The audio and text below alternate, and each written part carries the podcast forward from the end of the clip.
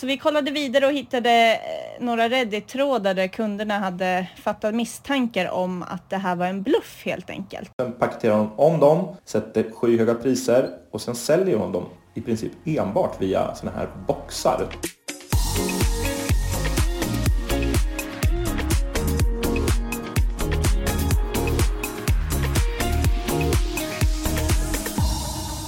Hur mycket lägger du på skönhetsprodukter i månaden, Jasmin? Ja du Thomas, alltså det här känns ju lite halvjobbigt och eh, erkänna så här när man pratar ut i eten, men jag lägger nog ett par tusen i månaden skulle jag säga. Och eh, det har väl hänt också att jag har köpt ett gäng mirakelkrämer inom situationstecken för alldeles för många hundralappar per tub. Men jag måste också då passa på att tillägga att jag varken röker eller snusar utan mina enda laster är skönhetsprodukter och Cola Zero. Du då Thomas, vad, hur mycket lägger du? Du behöver inte eh, rättfärdiga eh, så att säga hur mycket du lägger på skönhetsprodukter. För mig, absolut inte. Nej men eh, jag är nog en rätt sparsam person med vad jag lägger på, på just skönhet och hudvård och så. Jag tyckte att det var ganska skönt när den här SVT-dokumentären Sanningen om hudvård kom för ett tag sedan den slog väl fast att de, de bästa lotionen kom från Nivea och kunde köpas på Coop eller ICA. Oavsett så är det ju så att skönhet på nätet har fullkomligt exploderat de senaste åren. Intresset är enormt och det är många, framförallt kvinnor, som är redo att lägga tusentals kronor på de här produkterna. För bolagen som säljer produkterna så är det inte sällan en guldgruva med väldigt höga vinstmarginaler. Och ett av de här koncepten som används inom branschen är då så kallade skönhetsboxar. Och det är ju då en, för de som inte är bekant med skönhetsboxar så är det en typ av prenumeration där kunderna en gång i månaden får en låda fylld av olika produkter. Och de här marknadsförs ju ofta med att kunderna då får produkter för flera hundra kronor till en kostnad av dryga hundralappen i månaden. Så de trycker verkligen på liksom sitt höga värde i relation till priset här. Och boxarna då marknadsförs också flitigt av influencers och eh, ja, exempelvis Margareta Gräs Therese Lindgren, Nina Glimsell. Följer man dem så har man eh, sett den här reklamen. Men på sociala medier så började det då också för en tid sedan sprida misstänksamheter om ett antal produkters kvalitet och om det verkligen var rimligt att de eh, såldes och marknadsfördes som riktiga premiumvaror. Jag heter Thomas Nilsson och jobbar som reporter på Resumé Insikt. Häromveckan lovade jag att min vanliga parhäst Julia Lundin skulle vara tillbaka men på grund av covid och sjuka barn så får vi skjuta på hennes återkomst ytterligare ett par veckor. Istället har jag med mig eh, vår chefredaktör här på Resumé, Jasmin Winberg. Välkommen tillbaka, du var ju med här strax innan jul också. Jag är ändå bekväm i den här rollen där jag får liksom hoppa in som vikarie ibland. Jag tycker det känns härligt. Och även inom fotbollen så kallar man det för en supersub. Komma in och avgöra precis på slutet. Nej men det var ju egentligen du som kom med den här idén som vi har tittat närmare på den här veckan, Jasmin. Kan du inte berätta lite grann om hur du eh, kom på den och hur du uppmärksammade det här fenomenet? Det kan jag absolut berätta om. Jag och min eh, hudvårdsintresserade kompis Camilla satt en sen kväll på en bar i Gamla stan och drack vin och eh, snackade om livet och snackade också om eh, hudvård eftersom vi båda, det är ett intresse vi båda delar. Och då pratade vi också i, eh, om det sjuka i överprissatta produkter. Vi snubblade på det här varumärket Symbiosis som ni har tittat närmare på Thomas. Och det här var ett helt nytt varumärke för mig trots att jag har ganska bra koll på hudvård och det var ett nytt varumärke för Camilla också. Och vi såg att vissa av deras varor såldes för över, över tusen spänn per produkt. Då ska jag bara försöka ge lite kontext till den summan för den som inte har koll på hur priserna inom hudvård brukar se ut. Det finns oftast två skäl till höga priser annars och det är det ena skälet är om produkterna är från klassiska svenska lyxvarumärken som eh, Dior eller ISL. Tänker inte försöka mig på att uttala det franska. Det är många som har gått bet på det.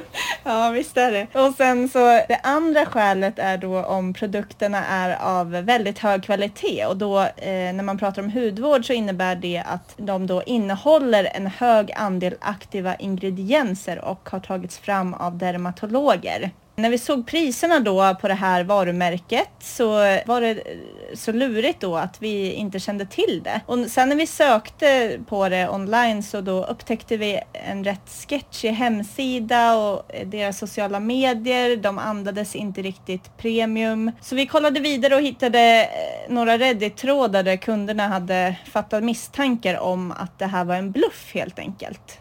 Ja, alltså det är ju väldigt spännande med de här Reddit-trådarna. Det är verkligen ett ambitiöst ja, detektivarbete som, som har skett eh, där inne. När man läser dem så tänker man att det här är personer som borde söka jobb som, som journalister. Ja, men att kunder är villiga att gå så här långt för att liksom, ja, men, gräva i vad det egentligen är för företag man köper produkter av är ju spännande i sig. Men vad de hittade eh, är ju också väldigt eh, intressant. De såg att eh, det här bolaget Symbiosis som du nämner då, och ett antal andra varumärken hade väldigt suspekt hitta företagsadresser. Som sagt, det här var premiumprodukter men, men eh, letade man upp adresserna så ledde de till thai-massagesalonger i Londons syd, sydöstra utkanter och Home Depot-butiker i Florida. Och på sociala, deras sociala kanaler så var det jättemycket stockbilder och tittade man på ingredienslistorna så verkade inte de leva upp till, till det här höga priset de här Reddit-detektiverna såg att det fanns eh, en kvinna som har startat en handfull bolag där hon verkar köpa in produkter på bulk via mm, Alibaba och via kinesiska så att säga, återförsäljare. Och sen paketerar hon om dem, sätter skyhöga priser och sen säljer hon dem i princip enbart via sådana här boxar. De går helt enkelt inte att få tag på eh, någon annanstans. Och hemsidorna ser likadana ut och det, det, det är i princip liksom kopior av eh, varandra. När den här informationen kom fram till vissa av de boxföretagen som hon samarbetade med så valde de att eh, bryta samarbetet och, och inte ta med produkterna helt enkelt. Man får väl eh, ge den här entreprenören att hon ändå har en liksom, affärsådra i sig här. Ja, driftig. Ni har ju pratat med dermatologen Johanna Gillbro också om några av de här produkterna från Symbiosis och ett par av deras systervarumärken. Det är alltså alla produkter som kostar mer än 1000 kronor och är vanligt förekommande i boxar. Ska vi nämna några andra varumärken så är det väl Avant och eh, Able Skincare va? Johanna hon sa ju till är då att hon inte från utsidan kan göra en exakt bedömning av vad de här produkternas kvalitet är. Men att hon ändå var rätt säker på att det rörde sig om väldigt billiga grejer. Hon var lite tveksam sådär inledningsvis när jag pratade med henne på telefon. Men sen så skickade jag över ingredienslistan och då, då, då kände hon sig betydligt liksom, tryggare i att göra en, åtminstone en övergripande eh, bedömning. Ja, vad härligt. För sen så sa hon ju väldigt rakt ut då att man får bättre produkter för 100 spänn på apoteket, eller hur? Har du också valt att bli egen? Då är det viktigt att skaffa en bra företagsförsäkring. Hos oss är alla småföretag stora och inga frågor för små. Swedeas företagsförsäkring är anpassad för mindre företag och täcker även sånt som din hemförsäkring inte täcker. Gå in på swedea.se företag och jämför själv.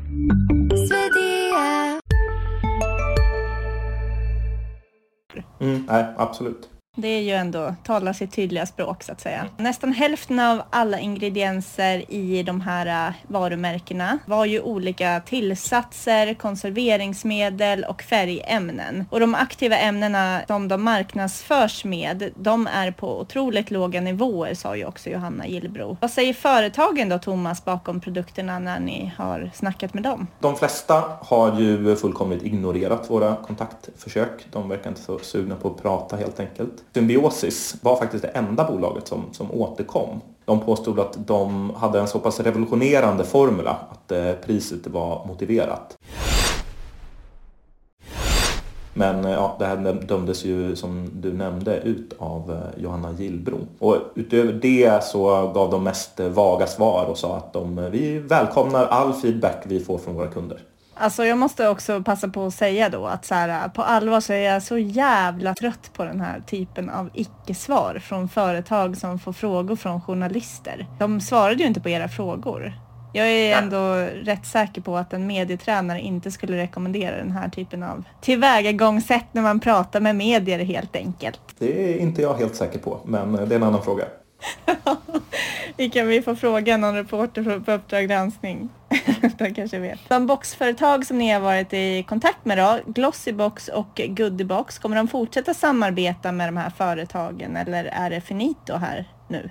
Nej, men de verkar inte ha några intentioner på att, att sluta samarbeta med, ja, med Symbiosis och ett par andra varumärken som, som beter sig på, på liknande sätt. Och från boxföretagen så har det varit nästan ännu mer eh, svepande svar. Det, har, ja, det är väl väldigt ofta så just när man pratar med den här typen av digitala, mer digitala bolag att eh, det är som att prata med en vägg eh, i princip. Ja, som konsument så kan man ju bli sur på att bolag sätter höga priser på rena skräpprodukter men bryter det här mot några lagar eller sådär? Jag tänker att man får väl sätta vilka priser man vill och sen är det upp till kunden om den vill köpa det här eller inte, eller?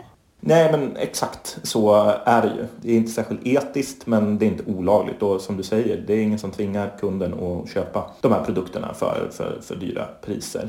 Och det finns säkert andra branscher. Jag kan tänka mig att inom klädkategorin finns eh, många av de premiumvarumärkena att de, deras produkter kanske inte alltid håller den, den högsta kvaliteten utan att känna till det närmare. Obs, de kostar inte mer än 20 spänn per produkt. Fick jag det sagt också. Men de som riskerar att faktiskt bryta mot någon lag, det är boxarna snarare än alltså de leverantörerna av de produkterna som, som finns i dem. För boxarnas huvudsakliga marknadsföringsbudskap är ju som vi sa eh, tidigare att kunderna får produkter till ett högt värde för bara någon hundralapp i månaden. Problemet är att man får inte säga att en produkt har ett värde om den inte säljs någonstans för det. Och som vi nämnde så flera av de här bolagen, det enda stället där man kan få tag på deras produkter är via sådana här boxar där det är alltid är väldigt, väldigt nedsatta eh, priser. Och så säljer de dem på sin egen sajt. Det så kallade, man, man, när man gör rea så kan man alltid hänvisa till det så kallade rekommenderade priset. Och det måste vara det som en produkt i regel säljs för. Skulle till exempel 9 av 10 butiker sälja en hudkräm eh, för 100 spänn men den tionde säljer den för 1000 spänn så kan inte jag som box säga att det, ja, men det här är en produkt värd tusen spänn. Vilket är exakt vad de gör. Det finns ju dock en del andra förklaringar till varför det här faktiskt fungerar just när vi pratar om skönhet. Ja, som eh, några andra då i er artikel påpekade så är ju det här en kategori som drivs av sociala medier. Vi har ju flera influencers som har lanserat egna produkter och eh, varumärkesserier. Och häromveckan uppmärksammade ju Svenska Dagbladet också hur eh, Bianca Ingrossos Kaja Cosmetics hade en prisbild som inte matchade produkternas kvalitet. Samma varumärke hamnade ju blåsvärdar också för en tid sedan då folk då, eller hennes fans ansåg att Kajas julkalender var för högt prissatt. De tyckte att den innehöll skräp helt enkelt. Det var en otrolig uppmärksamhet kring eh, det. Undrar om det i förlängningen kanske har gett Kaja fler kunder. Det är ju intressant, en intressant frågeställning. Har man ett starkt varumärke så kommer ju kunderna köpa produkterna oavsett hur de är prissatta. Och eh, just Bianca är ju en person som säljer slut på några få minuter. Unga brukar ju inte heller ställa samma kvalitetskrav på, på produkterna som lite äldre målgrupper.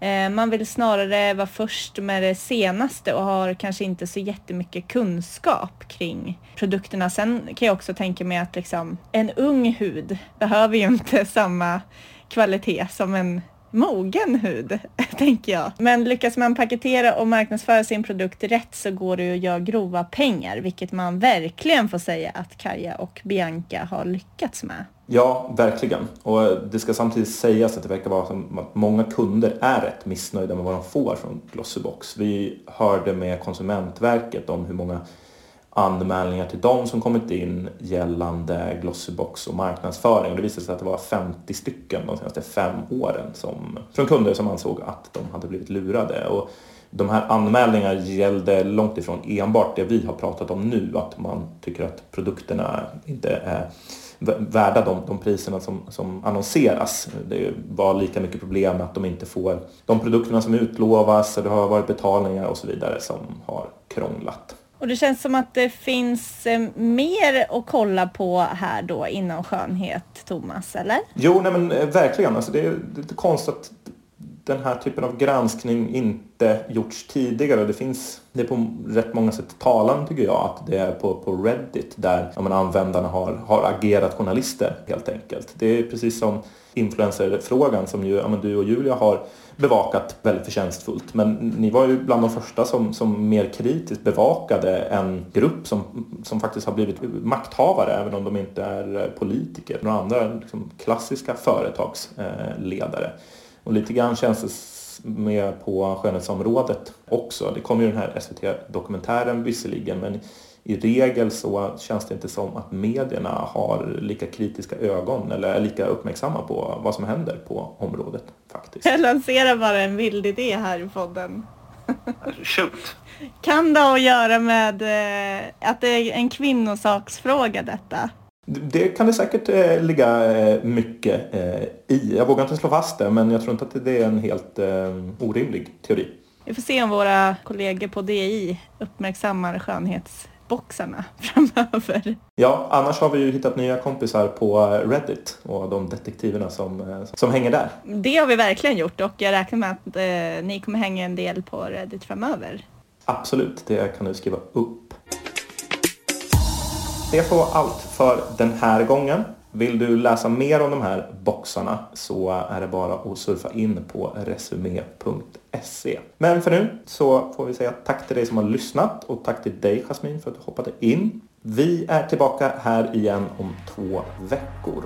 Hej då! Hej då!